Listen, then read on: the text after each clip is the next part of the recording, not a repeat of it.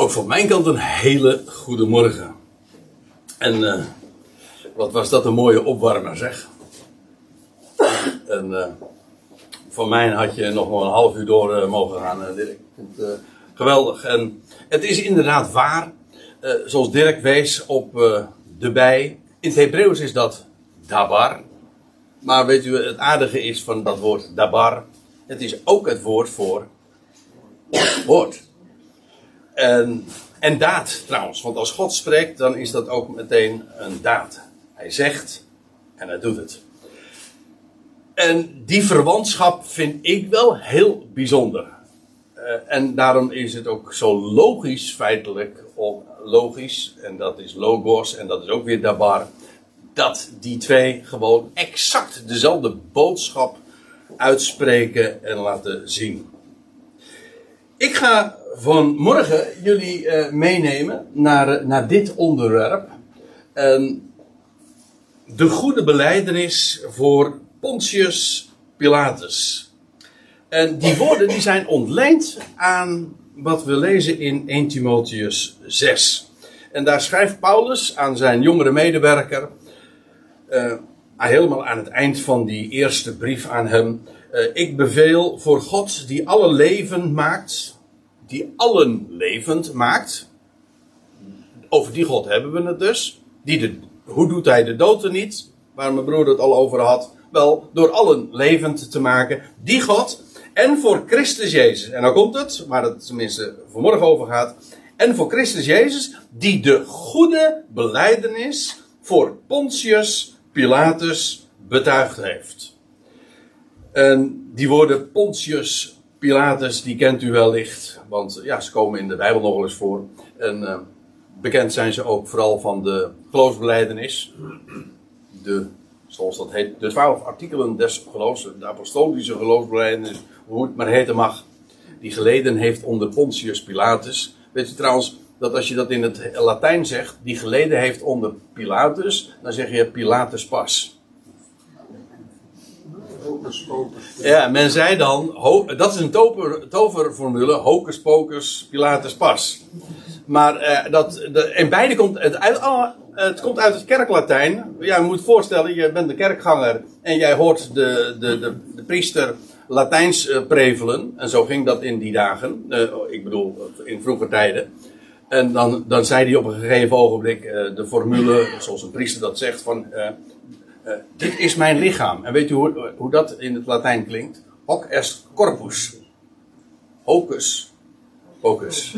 Hoc est corpus. En, dan, en als je dan wat flarden bij elkaar eh, opvangt en, en je zegt het achter elkaar.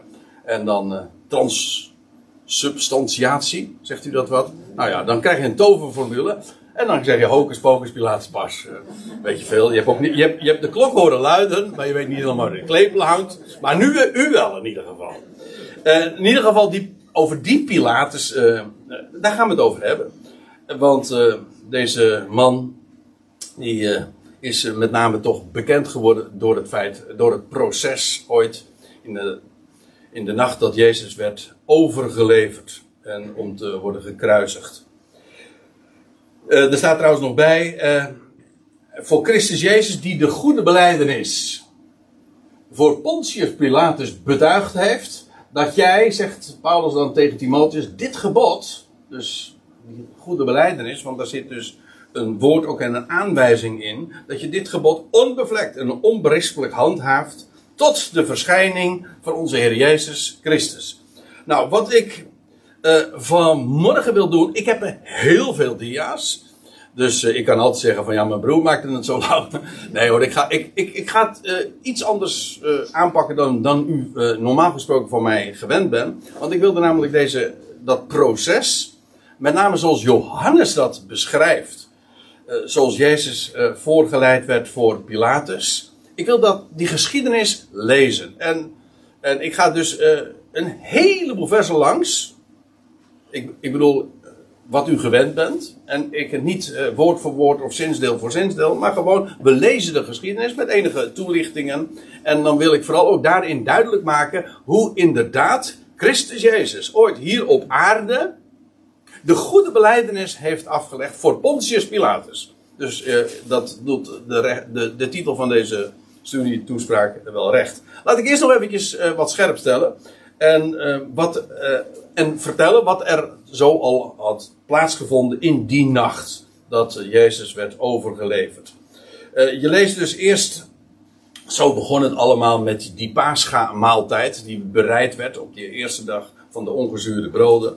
En uh, met name in Johannes 13 tot en met 16 worden de gesprekken die in die opperzaal hebben plaatsgevonden, waar Jezus met, uh, met de zijnen de maaltijd heeft ge, gegeten. En die gesprekken die worden daar uh, door Johannes uitgebreid beschreven. Hij was per slotverrekening ook een, ja, hij was er zelf bij, een ooggetuige dus. En hij heeft het allemaal opgevangen. Hij noemt zichzelf trouwens in het Evangelie niet bij name. Hij noemt zichzelf altijd de discipel die geliefd werd door Jezus. En dan lees je vervolgens dat ze na die maaltijd uh, onderweg gaan naar Gethsemane. Naar die hof, en dat is aan de andere kant van het Kidrondal. Dat wil zeggen, ze hadden gegeten daar ergens in de stad.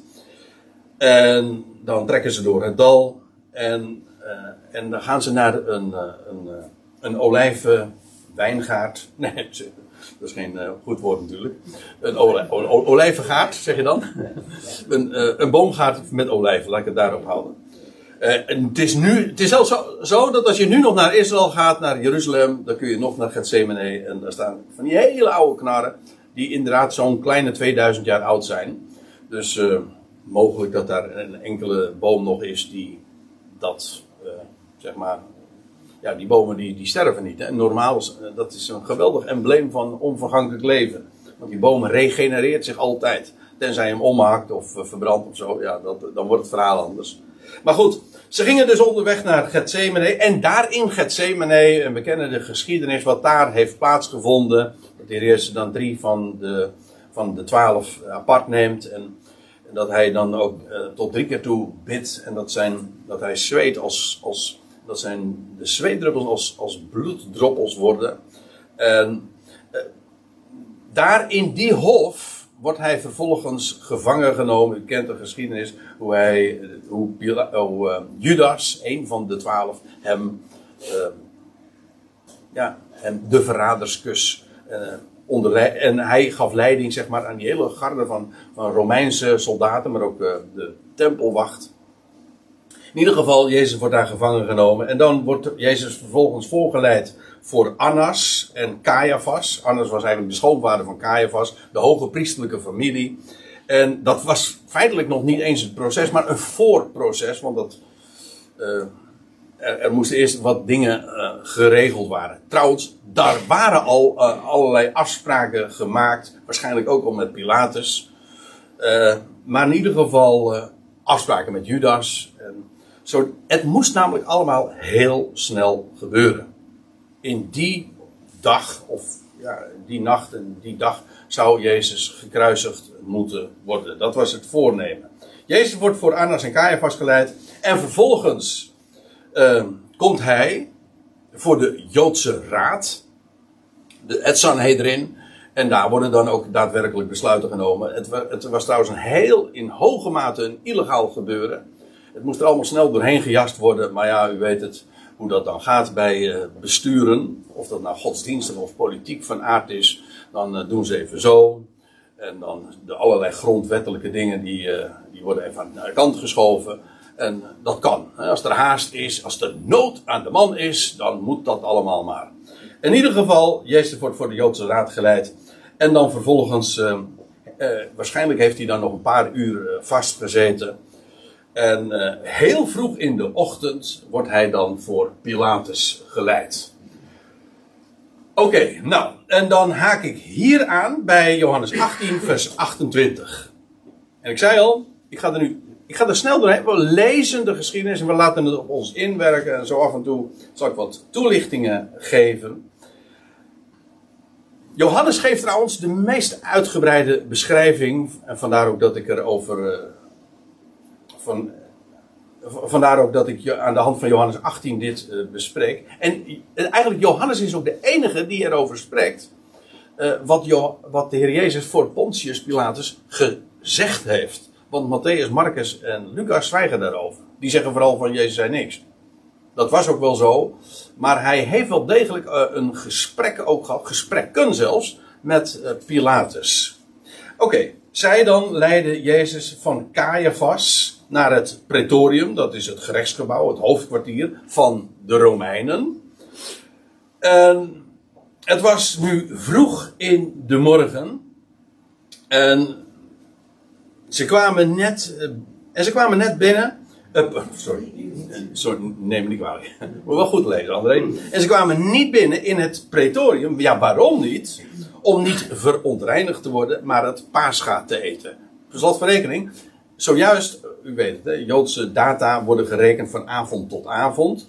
En dan krijg je dus het verhaal. In de avond, uh, toen de maaltijd gehouden werd, toen was de veertiende begonnen. En die duurde nog voort tot, ja, tot de volgende avond.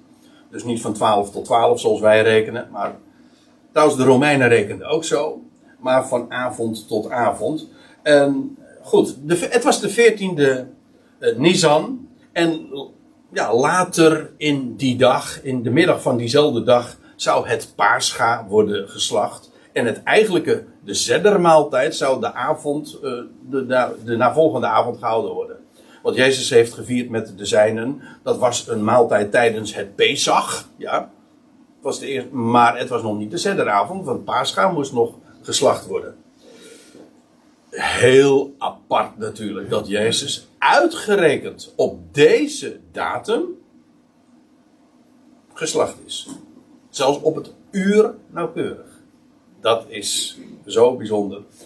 En en de dag daarna, dat, toen begon het eigenlijke feest. Want ja, dat is een heel apart verhaal. Maar het veertiende is de dag van het paascha. Dat het lam geslacht wordt. En, en vervolgens begon het feest van de ongezuurde broden op de vijftiende. Ja, en dan, die vijftiende was meteen ook een dag er niet gewerkt moest worden. Dus alles wilden ze het voor het feest van Pesach. De... Uh, wilden ze voor, Jezus voor, de, voor het feest van Pesach uit de weg ruimen, ja, dan moesten ze het op deze dag doen. Dus er was erg veel haast bij geboden. En dan staat er in vers 29, Pilatus dan ging uit naar buiten uh, naar hen toe. Dus ja, zij wilden niet in het pretorium komen om niet verontreinigd te worden. Want u weet, als je ergens in een Joods huis was, ja, dan moest alles rein en kosher zijn en al het gezuurde het zuurdesem moest uit het huis. Dus uh, in zo'n Romeinse uh, paleis of een pretorium waar Pilatus was, ja, dat was, dat was niet kosher. Dus de Joden wilden daar niet in vanwege het paascha. En dus Pilatus ging naar buiten. Pilatus, daar moet ik er even bij zeggen, uh, deze stadhouder, gouverneur, die heeft geregeerd van 26 tot 36 AD, anno domini, onze jaartelling dus. Als u het mij vraagt, is, Pilatus gouverneur geworden, stadhouder, dus in het jaar dat de Heer Jezus zijn optreden begon. Dus drieënhalf jaar eerder. En dit was dan in het jaar 30. En daarna is hij dus nog zes jaar heeft hij geregeerd. Uiteindelijk is hij ook slecht aan zijn eind gekomen als stadhouder. Zo gaat dat meestal in die, in die wereld. Maar in ieder geval, dat was Pilatus. Hij, hij, is in de ongewijde geschiedenis ook bekend. En hij staat bekend als een zeer halstarrige stadhouder. Was, er waren heel slecht zaken mee te doen. Heel egoïstisch. En de Joden waren niet gek op. Bepaald niet. En ja, als hij dan naar buiten gegaan is en die zei hij met nadruk: welke beschuldiging brengen jullie tegen deze mens in? Waarschijnlijk is dit, heeft dit meteen al kwaad bloed gezet bij de Joden, weten we uit de andere evangelie ook. Want, uh, hij deed nou alsof hij van niks wist, terwijl er wel degelijk al uh, zaken met hem gedaan waren. En waarschijnlijk is hem de vraag al voorgelegd van, uh, morgen komen we dan met Jezus. En, en waarschijnlijk heeft hij er toen ook gezegd van, nou dat, dat doen we wel. Eigenlijk, Pilatus had ook die reputatie. Hij, het recht was voor hem niet zo belangrijk. Zijn het ging vooral om zijn politieke status. Om, de, om, om maar, ja, zoals mijn broer al vertelde, dat haantjesgedrag, weet u wel. En dan gaat het niet om waarheid of zo. Oké, dus hij vraagt hier met nadruk: welke beschuldiging brengen jullie tegen deze mensen in? En zij antwoordde en zeiden tot hem, indien hij geen boosdoener was, ja, dan hadden we hem nooit aan u overgeleverd. Zo van, uh, ja, de, uh, we komen hier natuurlijk niet voor Jan Klaassen. Dit, dit is een boosdoener. En Pilatus zei dan tegen nou, nemen jullie maar en oordeelt hem naar de wet van jullie. Maar ja, de Joden die reageerden, ja, die zeiden tegen hem, het is ons niet geoorloofd iemand te doden. Nee, het punt was namelijk, de Joden hadden een bepaalde mate van zelfstandigheid. Ze hadden hun eigen rechtssysteem. Ze konden uh, mensen ook veroordelen. Maar executie, die mogelijkheid hadden ze niet. Dat mocht alleen maar, dat moest uh, geregeld worden vanuit de Romeinse bezetter. Want, want ja, Israël was gewoon bezet. Bezet gebied. En uh, de Romeinen, die, die stonden het een en ander toe maar uh, met begrensd. Dus uh, de Joden zeiden van ja, we kunnen dat alleen maar doen als u ook toestemming geeft. En ze wilden meer dan toestemming, ze wilden zelfs dat hij de opdracht gaf. Ja, waarom? Zodat zij hun handen in onschuld konden wassen. Dat is een aardige beeldspraak in deze.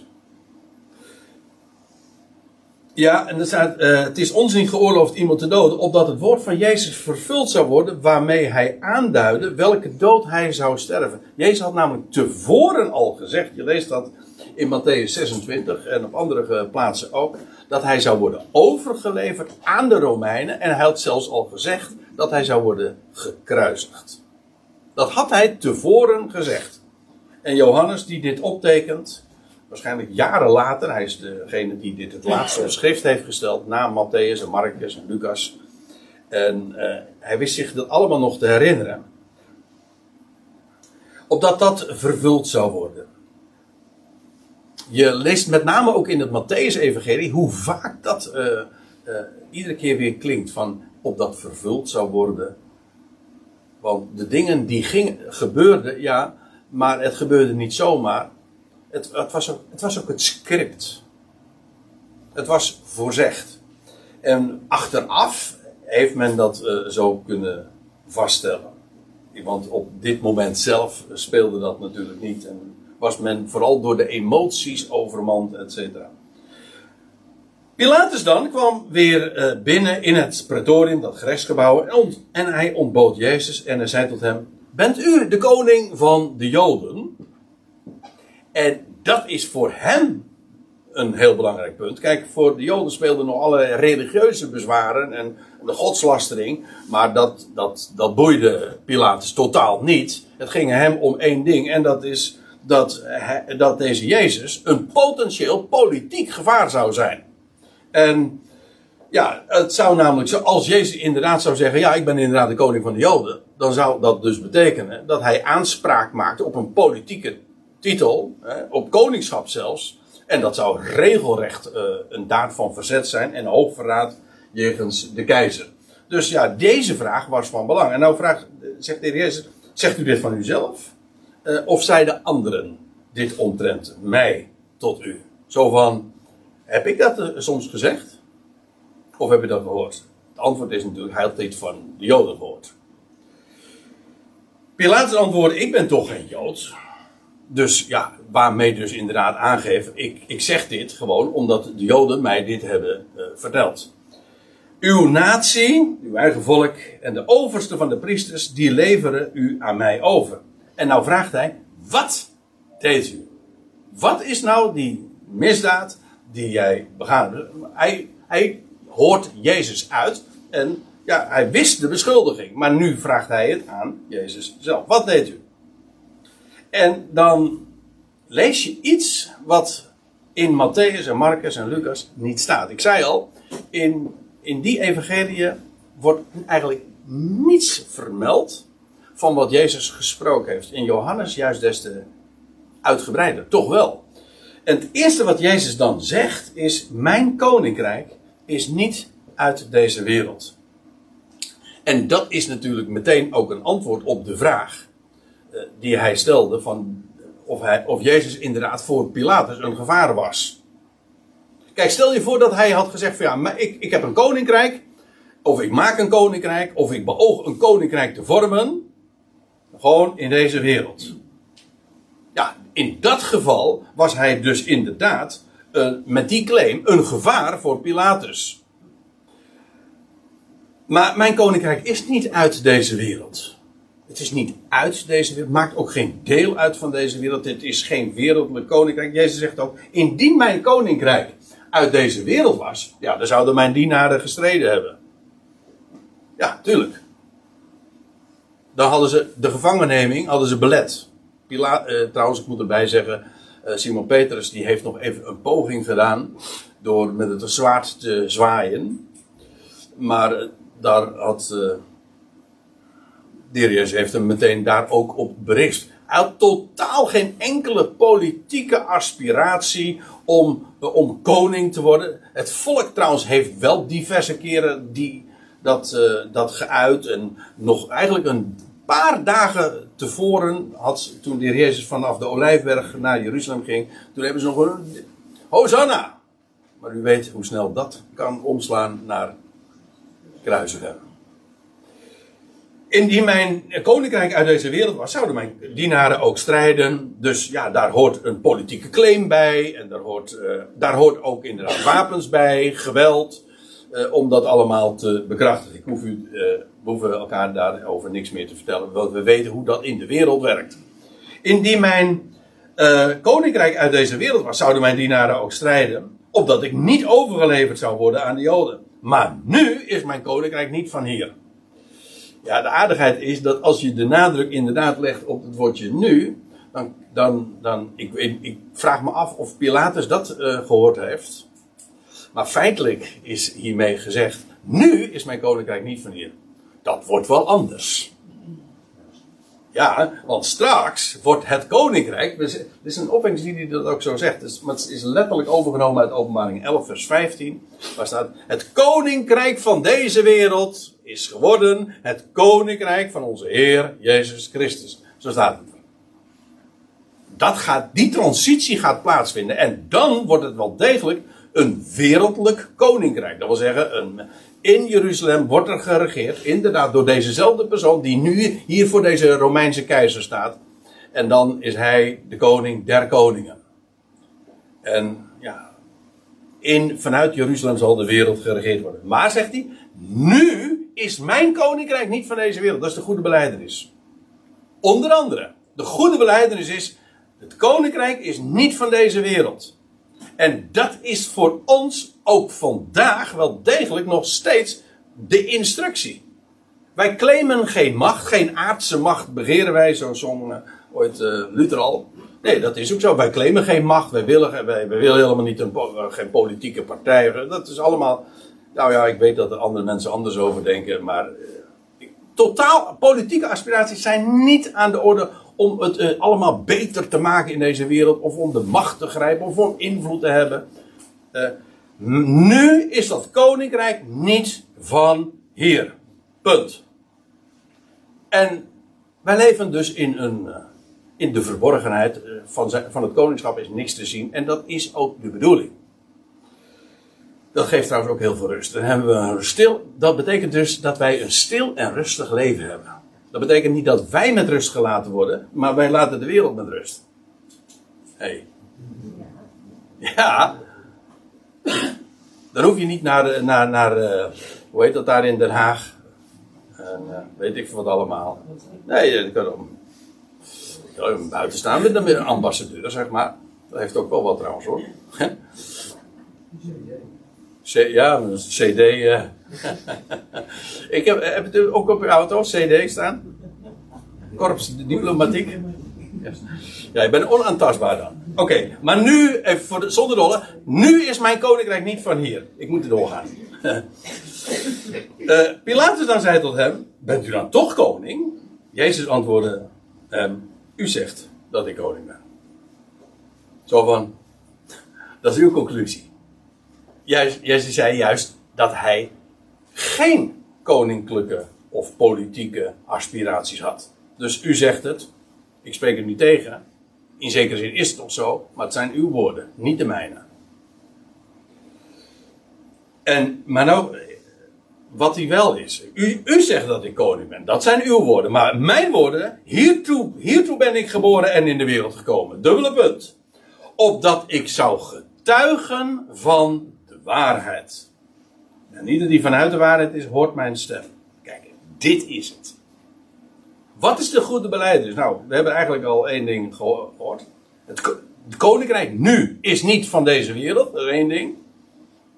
Dus niet politiek, niet militair, helemaal niets van die orde.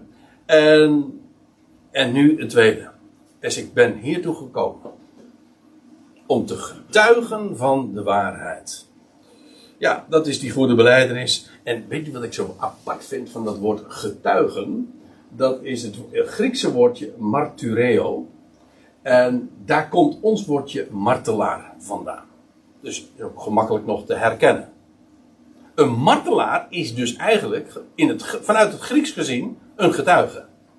U zegt, maar een martelaar is toch iemand die sterft voor een getuigenis? U zegt ja, dat is. Nou, als, als, gedurende de tijd dat het koninkrijk niet van deze wereld is, is dit de prijs om te betalen die, die men betaalt voor uh, het getuigen van de waarheid. Want we leven in een wereld ik ben er van de week nog mee bezig geweest. Ik heb er nog een blogje over geschreven. Waarin de waarheid in onrechtvaardigheid ten onder gehouden wordt. Er moet heel veel moeite voor gedaan worden. Want de waarheid heeft altijd de neiging om aan het licht te komen. Het is net als een bal die onder water houdt. Kan wel, maar uh, hij komt altijd weer aan het licht. Dat is het mooie, het heerlijke van de waarheid ook. Je kunt er niks tegen doen. Waarheid heeft ook, die, de leugen is vaak veel sneller. Maar de waarheid heeft een enorm uithoudingsvermogen. En die achterhaalt altijd, finally, de leugen. Altijd. En dat is zo'n uh, relaxte wetenschap. Maar uh, het is wel, dat is relaxed. Maar wat niet relaxed is, en dat weet ik. En als je uitkomt voor de waarheid in een wereld die geregeerd wordt door de leugen dat wordt je niet in dank afgenomen. En de grootste getuige der. Hoe was het ook weer? Hij is de overste van de koningen der aarde. En uh, de trouwe getuige. Trouw getuige betekent hij spreekt de waarheid. Niet wat uh, men aardig vindt, of leuk vindt, of aangenaam vindt, of emotioneel uh, helemaal in het straat. Nee, de waarheid. Waar niemand onderuit kan wat zo is, de feiten. En hij zegt, opdat ik zou getuigen voor de waarheid. No matter what, zeggen de Engelsen dan. Ook als dit de prijs is. En dat is de prijs in een wereld die geregeerd wordt door de leugen. Namelijk wanneer, je, wanneer dat ten onder gehouden wordt. Want de waarheid, aan de waarheid kun je niks doen. Maar de getuigen van de waarheid, die kun je wel een kopje kleiner maken. Dat is de andere kant. Het zijn twee kanten van dezelfde medaille. En de Heer zegt er nog bij: ieder die vanuit de waarheid is, die hoort mijn stem. Dat wil zeggen, ieder die eerlijk is en de feiten bereid, is de feiten onder die hoort mijn stem. Pilatus zei tot hem, ach, u kent het, hè? dat was de beroemde uitspraak van uh, Pilatus. En men, uh, je kan er heel filosofisch over doen, hè? Dus, wat is waarheid? En dat je daar uren over kan gaan filosoferen. Wat is nou eigenlijk waarheid? Dat is nou een heel interessante vraag. Wat is nu eigenlijk waarheid? Maar ik kan u dit uh, vertellen.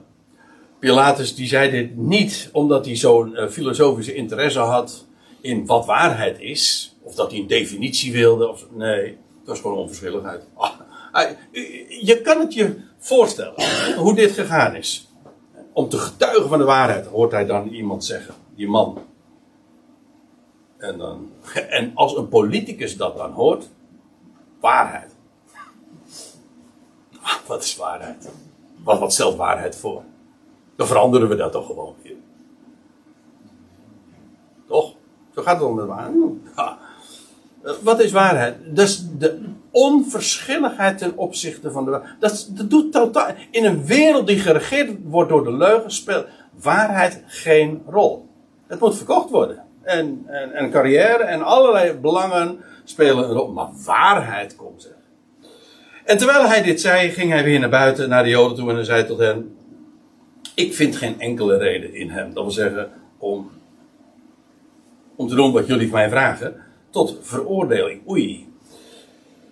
Want ja, Pilatus, die stel, heeft vastgesteld: uh, van een politieke claim is geen sprake. Dat had hij nu uit zijn eigen mond gehoord.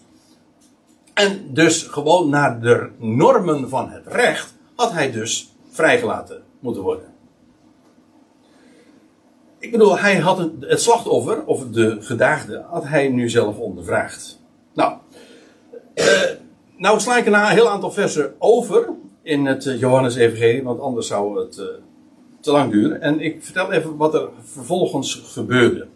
Zonder dat nu uh, dus allemaal te lezen. Trouwens, voor een deel lees je dat ook juist weer in de andere evangelie. Want in Johannes staat een heleboel wat in Matthäus, Marcus en Lucas ontbreekt. Aan de andere kant, in Lucas staat weer in dingen die in Johannes niet staan. Dus dan zie je ook daarin weer dat Bijbelstudie is als een puzzel. Je, de stukjes moet je in elkaar passen en schrift met schrift vergelijken om een beeld te krijgen. Als Pilatus namelijk later, zo lezen wij in Lucas, verneemt dat Jezus uit Galilea komt, dan ziet hij een, een weg een excuus om zich van de zaak af te doen. En stuurt hij Jezus naar uh, Herodes. Want Herodes ging over Galilea. Dus dacht Pilatus, want hij wil, eigenlijk wilde Pilatus zich niet met deze zaak verder inlaten. Hij zag dat er geen, echte, geen, reden, er geen reden was om Jezus te veroordelen. Dus hij zoekt voortdurend excuses. Nou, het eerste is, hij stuurt hem naar uh, Herodes toe. Uh, Herodes was daar trouwens erg blij mee, want die had al heel veel over de kwestie van Jezus gehoord. En die was blij dat hij hem eindelijk nu zelf eens een keertje onder oog had en kon, dingen kon vragen. Maar dat was maar heel tijdelijk, want uh, Herodes stelt hem vragen en Jezus antwoordde hem niets. Hij, zei, hij hield gewoon zijn mond. En dus Herodes werd van, totaal niet wijzer van, van die ondervraging. En dan vervolgens lees je nog, ook Herodes nam dan maar een loopje met het recht en met de waarheid. En hij bespot, uh, laat Jezus bespotten, geeft hem nog een ander gewaad aan, een zogenaamd koninklijk gewaad. En hij stuurt hem gewoon weer onverrichte zaken feitelijk naar Pilatus terug. Het is trouwens wel zo, je leest in Lucas, dat vanaf die dag uh, Herodes en Pilatus weer op goede voet met elkaar stonden. Want daarvoorheen waren zij vijandig. En vanaf dit moment, uh, dit was toch een daad van collegialiteit. En vanaf die dag waren ze weer met elkaar, staat er, bevriend. Dus dat heeft het wel weer goed gedaan. En als de heer Jezus dan vervolgens weer uh, terugkomt bij Pilatus, dan ziet Pilatus nog weer een gelegenheid om Jezus vrij te laten. En wat doet hij namelijk? Hij herinnert het volk aan de gewoonte om jaarlijks bij het Pesachfeest, dus in die tijd van het jaar, om altijd amnestie, om amnestie te verlenen, de vrijlating dus te geven aan een gevangene.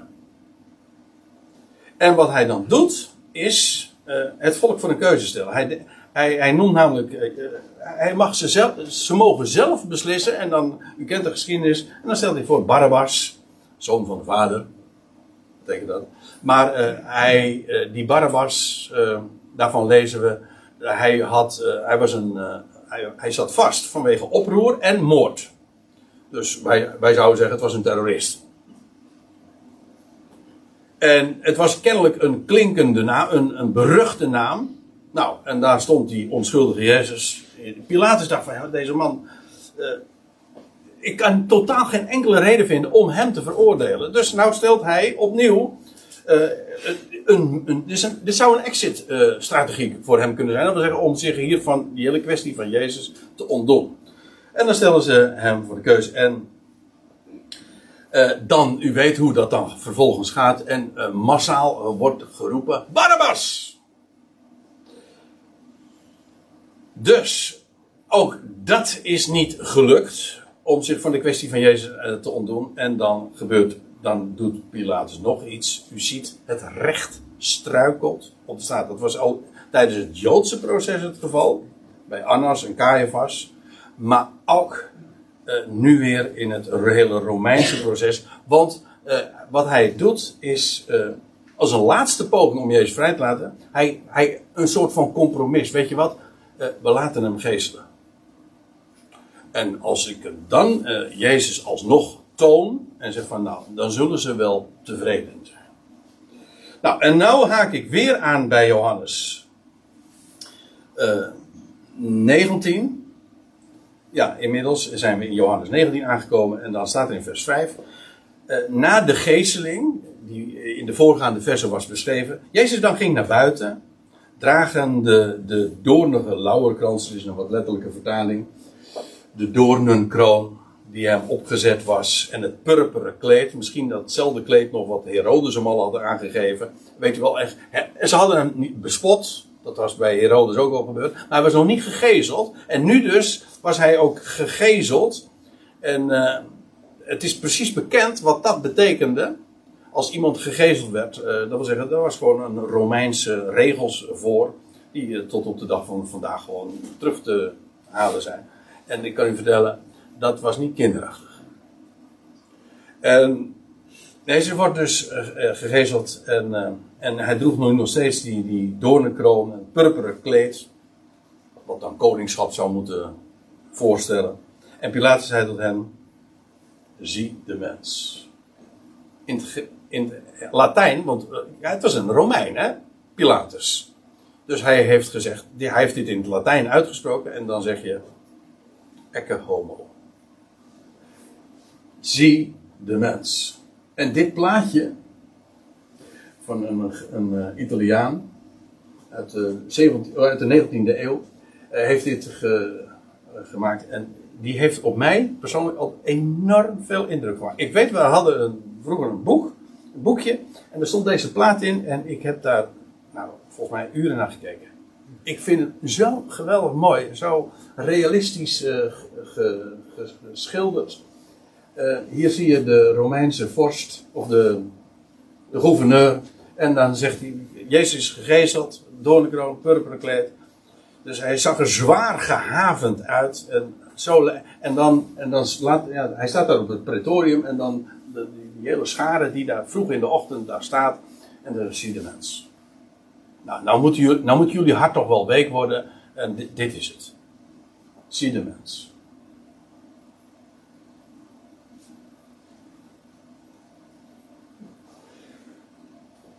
Toen de overste van de priesters en de. Nee, dat is een raar woord, die moet ik even veranderen. Ja, er stond assistenten trouwens. Maar goed.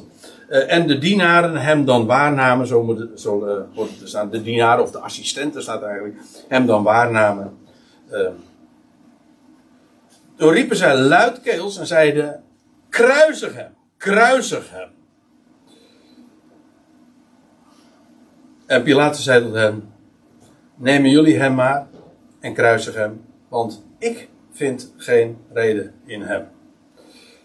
Kijk, en dan lees je, in, dat staat dan in Matthäus 27, de bekende woorden dat hij zijn handen, hij demonstratief zijn handen in onschuld was. Dus hij, hij was daar dus, terwijl hij daar op dat, dat pretorium staat, heel demonstratief wast hij zijn handen. En dan zegt hij van, ik ben hiervan verschoond. Hij wast zijn handen in onschuld. En daarmee bedoelen wij altijd, uh, je onttrekt je aan de schuld en je geeft de ander, zeg maar, ik, ik heb er geen aandeel in. Wat natuurlijk uh, leugenachtig is. Hij dacht zijn handen hiermee in onschuld te wassen. Want inderdaad, het is waar. Pilatus heeft alles in het werk gesteld om de veroordeling van Jezus ongedaan te maken. Dat is waar. Dat, dat zou je positief van hem kunnen zeggen. Maar, daar staat het natuurlijk tegenover. Dat hij, hij was de rechter. Hij zou moeten bepalen, volgens de normen van de waarheid en het recht. Hij zou recht moeten handhaven. En dat doet hij niet. Dus dan kun je je handen wel in onschuld wassen. Maar dat maakt je schuld niet minder. En de Joden dan, staat er dan, uh, want die zijn hier niet tevreden mee. Die willen namelijk niet slechts dat Pilatus toestemming geeft, maar die, dat hij ook de opdracht geeft om Jezus te kruisigen. Waarom? Zodat de Joodse leiders, dit is politiek. Dit is type. Als je hier even over doordenkt, zeg je, dit is zo politiek gekonkel. Waarom? Wat Pilatus deed, natuurlijk, maar ook wat de Joden deden. Want Joden wilden graag, ik bedoel de, de Joden, uh, het Sanhedrin, de Joodse Raad. Er waren trouwens ook uitzonderingen, Nicodemus en Jozef van Arimathea enzovoort. Maar in het geheel genomen, men wilde zich hier van deze zaak ontdoen. En we hadden dat al eerder in het Johannes-evangelie gelezen. Ze wilden namelijk niet aansprakelijk zijn. Want in hoofdstuk 11 lees je al dat de hoge priester en, uh, en consorten, die vrezen opstand onder het volk. Want onder het volk, het gewone Joodse volk, was Jezus uiterst populair. En ze waren bang en daarom wilde ze Jezus ook zo snel mogelijk nu uh, inderdaad uh, van hem ontdoen. Omdat ze bang waren dat ze Jezus inderdaad tot koning zouden maken. Of, uh, en, en dat er zo'n beweging zou ontstaan. En in dat geval zagen ze de bui hangen. In Johannes 11 wordt dat beschreven. Dat de Romeinen alsnog zouden ingrijpen als Jezus al te populair zou. Ze waren bang dat Jezus inderdaad een politieke factor zou worden. En, uh, maar zij wilden graag dat de Romeinen Jezus, Jezus zouden veroordelen. Waarom? Om daarmee te kunnen zeggen van ja, maar dat hebben wij niet gedaan. Wij hebben Jezus niet uh, gekruisigd of zo. Nee, dat hebben de Romeinen gedaan. Pilatus heeft zelf opdracht daartoe gegeven. Dus zij wilden ook, ze wilden allemaal zich verschonen. Weet je wel? En dan zeggen van, uh, ja, dat, oh, nee, dat was niet ik. Dat was, was de vrouw die gij mij gegeven hebt. Weet, dat is een heel menselijk ding hoor. Ik zeg het is politiek, maar het is ook een heel oermenselijk ding om zo te werken. Oh nee, nee, maar ik niet. Altijd de schuld op een ander te schuiven.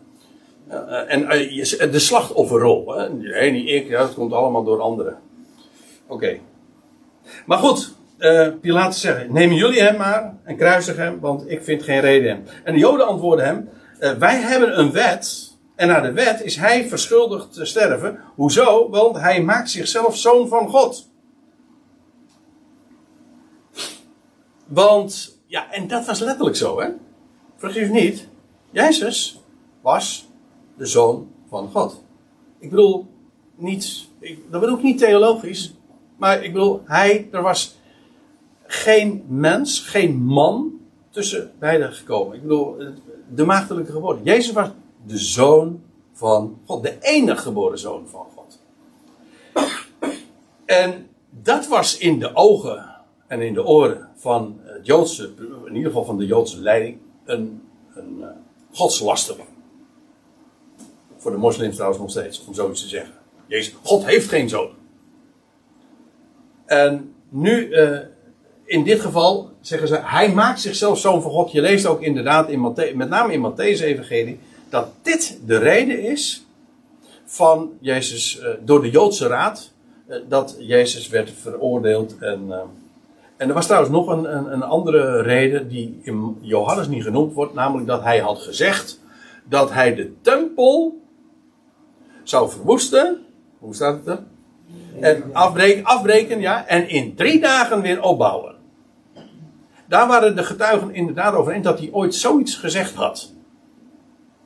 Was, uh, ja, dat is heel bijzonder trouwens. Dat heeft hij dus inderdaad al ver daarvoor ooit gezegd. En toen zeiden ze van ja, wacht, maar dat betekent dus dat, dat is heiligschennis. Dat betekent dat hij erop uit is om de tempel af te breken. Weet je wel, dat. Oké, maar dit was dus het Joodse motief. Toen dan Pilatus dit woord hoorde, werd hij nog meer bevreesd. Godenzoon. De Romeinen kenden dat fenomeen trouwens, want de Romeinse keizers die hadden ook wel eens een handje ervan om, zich dat, uh, om die titel zich eigen te maken.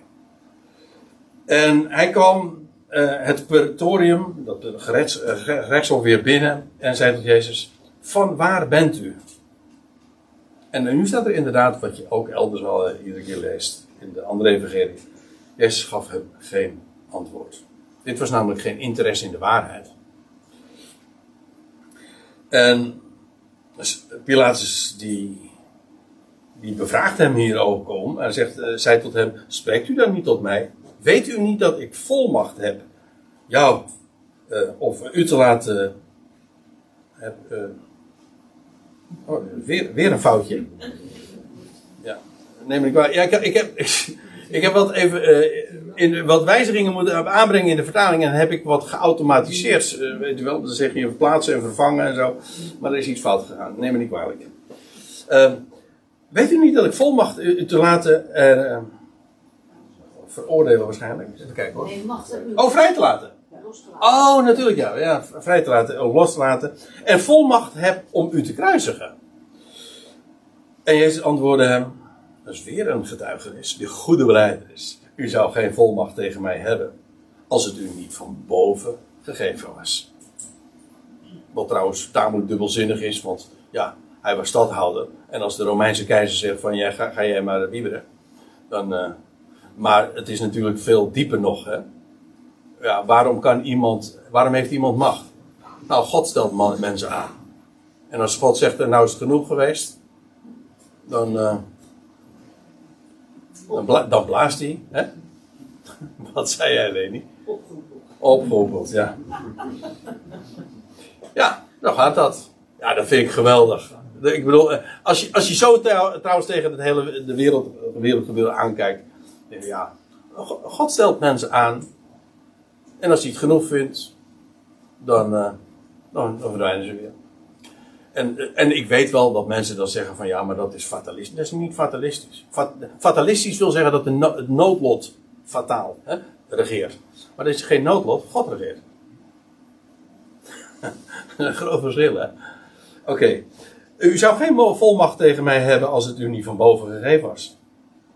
Daarom zegt de Jezus bij er nog bij: degene die mij aan u overlevert, heeft trouwens nog grotere zonde. En hij doelt hiermee op de hoge priester. De hoge priester, ja, die was niet zoals Pilatus onwetend. Die wist wat hij deed. En, uh, en, Pilatus was hier, uh, ja, hoe, hoe, fout zijn taak of zijn, uh, dat wat hij ook deed was, hoe fout ook, hij was toch de onwetende. Vanwege dit staat er nog bij, zocht Pilatus hem weer vrij te laten. Alles stelt Pilatus in het werk om Jezus inderdaad onveroordeeld en weer uh, amnestie te verlenen. Of nee, eigenlijk geen amnestie, en gewoon weer vrij te laten en onschuldig te verklaren. Maar de Joden riepen luidkeels en zeiden: Als u deze vrij zou laten, bent u geen vriend van de keizer. Oei. En dit was, de, dit was het meest gevoelige punt voor Pilatus. Waardoor het uiteindelijk het hele verhaal toch weer anders wordt. Want eh, de Joden zeggen nog bij: iedereen die zichzelf koning maakt, spreekt de keizer tegen. En Pilatus wist dat als dit in Rome bekend wordt, dat ik iemand die claimt een koning te zijn, uh, alsnog onveroordeeld laat, ja, dan ben, dan ben ik geen, niet langer vriend van de keizer. Pilatus dan hoorde deze woorden en, Jezus, en leidde Jezus naar buiten. En hij ging zitten op het podium, de Bema trouwens, even voor de liefhebbers. Hier staat, eigenlijk het woordje Bema, de rechtersom, maar eigenlijk gewoon, eigenlijk Bema betekent een podium. Uh, dat was namelijk uh, op de plaats die genoemd wordt lithostrotos. En dat betekent eigenlijk letterlijk een mozaïekvloer. En ik denk dat dat een mozaïekvloer is geweest. Ja. En in het Hebreeuws heet die plaats Gabata. Dus daar is nog een verhaal aan vast, uh, maar dat ga ik hier niet vertellen. Wel opmerkelijk, weet, we weten dat Pilatus hier op dit moment kreeg hij van een boodschap, een krabbeltje, een, een kattenbelletje van zijn vrouw Claudia Procula. Zijn haar naam wordt trouwens niet genoemd in, in Lucas, maar we weten dat zij zo heette. Uit de ongewijde geschiedenis. Hij was trouwens een kleindochter van keizer Augustus, ook niet de eerste beste. Maar die vrouw heeft Pilatus, terwijl hij Jezus, hier vroeg in de morgen dan daar uh, is bij Pilatus. Zij, de vrouw van Pilatus stuurt hem een krabbeltje. Want dan staat er in Matthäus 27, ik dacht dat het Lucas was, maar uh, oké, misschien moet ik nog een wijziging toepassen. Uh, kijk er maar eens na. Terwijl hij nu op het podium zat, daar hebben we het over, toch? Zond zijn vrouw hem de boodschap. Bemoei u toch niet met die rechtvaardige, want ik heb heden in een droom veel om hem geleden. Dit maakte de zaak nog complexer. Moet je je voorstellen, een Romeins gouverneur wil zich al aan deze hele zaak zijn vingers niet branden, was zijn handen in onschuld, heeft, stelt alles in het werk om hem vrij te laten, maar krijgt het eigenlijk niet voor elkaar. Wordt vervolgens nu gedreigd dat de Romeinse keizer ingeschakeld gaat worden. En dat is echt, dat wordt echt heel erg gevoelig. Uh, en nu is het zijn vrouw die zegt van deze hele kwestie, laat dat nou. Want ik heb vannacht een nachtmerrie om deze man te hadden. En ze zegt er nog bij, uh, bemoei u toch niet met die rechtvaardige. Dus inmiddels Pilatus zelf wist dat deze man een rechtvaardige was. En nu krijgt hij ook nog eens een keertje vanuit een, een hoek waar je het helemaal niet zou van verwachten. Van, van zijn vrouw te horen, dit is een rechtvaardige. Bemoei je er niet mee. Want ik heb heden in een droom veel om hem geleden. Bijzonder hè? En er staat er nog bij, vers 14. Het was nu voorbereiding van het Pascha. Ik zei al, het was de 14e en de 15e begon het eigenlijke feest. En de 14e was de dag dat het Pascha geslacht was. En daarom heette het ook de voorbereiding van het Pascha. Het was ongeveer het zesde uur. Dat wil zeggen in Romeinse termen. En dat betekent gewoon ook voor ons zes uur dus. Want de Romeinen begonnen inderdaad eh, rond middernacht met de urentelling. Dat is soms een beetje ingewikkeld. Want uh, ja, soms lees je dan uh, dat het negende uur zo. Ja, wat is dat dan? Ja, in Joodse telling of in, of in de Romeinse telling? Oké, maar het was hier dus vroeg in de ochtend. Het was ongeveer het zesde uur. En hij zei tot de Joden: Neem waar, de koning van jullie. En zij riepen luidkeels: Weg met hem! Weg met hem, kruisig hem. En Pilatus zei tot hen: Zal ik jullie koning kruisigen? En de overste van de priesters die antwoorden: Wij hebben helemaal geen koning, behalve een keizer. Dit is natuurlijk helemaal in het straatje van Pilatus natuurlijk. En ja, en dan staat er: En toen dan leverde hij hem aan hen over, opdat hij zou worden gekruisigd. Uiteindelijk nou, alle uitwegen die hij heeft gezocht, is dit het eind van het liedje. Hij wist, deze man is rechtvaardig en toch doet hij dit. Ja, waarom? Nou, uiteindelijk gewoon om zijn eigen hachje te redden. Dat was het uit. Ik bedoel, onder de streep is dat het feitelijke motief. Hij was gewoon. Hij uh, ja, het is de leugen, maar het is ook angst die regeert is trouwens ook, uh, die er altijd, angst en leugen gaan altijd hand in hand, want de leugen is altijd verschrikkelijk bang. Ook eigenaardig, hè.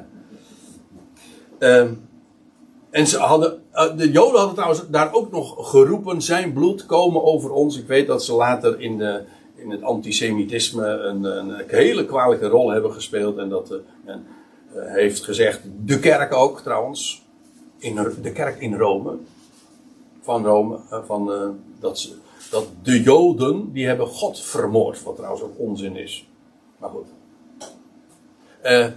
Die klank hebben het gekregen, maar neem niet weg. De Joden hebben gezegd, zijn bloed komen over ons en onze kinderen. Met andere woorden, als, als hij nu veroordeeld wordt om te worden gekruisigd, als dat al bloed zou kosten, dat komen over ons en ons nageslacht wij nemen die verantwoordelijkheid volledig ook op ons. En uh, het is dan inderdaad dat uh, het eind van het liedje is dat toen leverde hij, Pilatus dus, hem aan hen over, opdat hij zou worden gekruisigd. En dan gaat het verhaal verder natuurlijk, de geschiedenis. Dit is, dit is het proces. Maar dit wilde ik u vanmorgen graag uh, doorgeven, juist om ook te laten zien hoe inderdaad de Heer Jezus voor Pilatus. Hij zweeg vaak. Veel liet hij onbeantwoord. Dat deed hij ook bij de Joodse Raad ook al. En trouwens bij Herodes ook. Maar toen hij getuigde, gaf hij inderdaad, sprak hij de goede belijdenis. Zijn koninkrijk is niet van deze wereld. Dat is nog steeds zo. Hij getuigde van de waarheid. En hij wist, alle machthebbers hier op aarde, die hebben slechts macht, omdat het hen van boven gegeven is. Dat is de goede beleidenis. En dat, daarvan zei Paulus tegen Timotheus, bewaar dat onbevlekt. Die goede beleidenis, dat blijft de waarheid tot de verschijning van onze Heer Jezus Christus.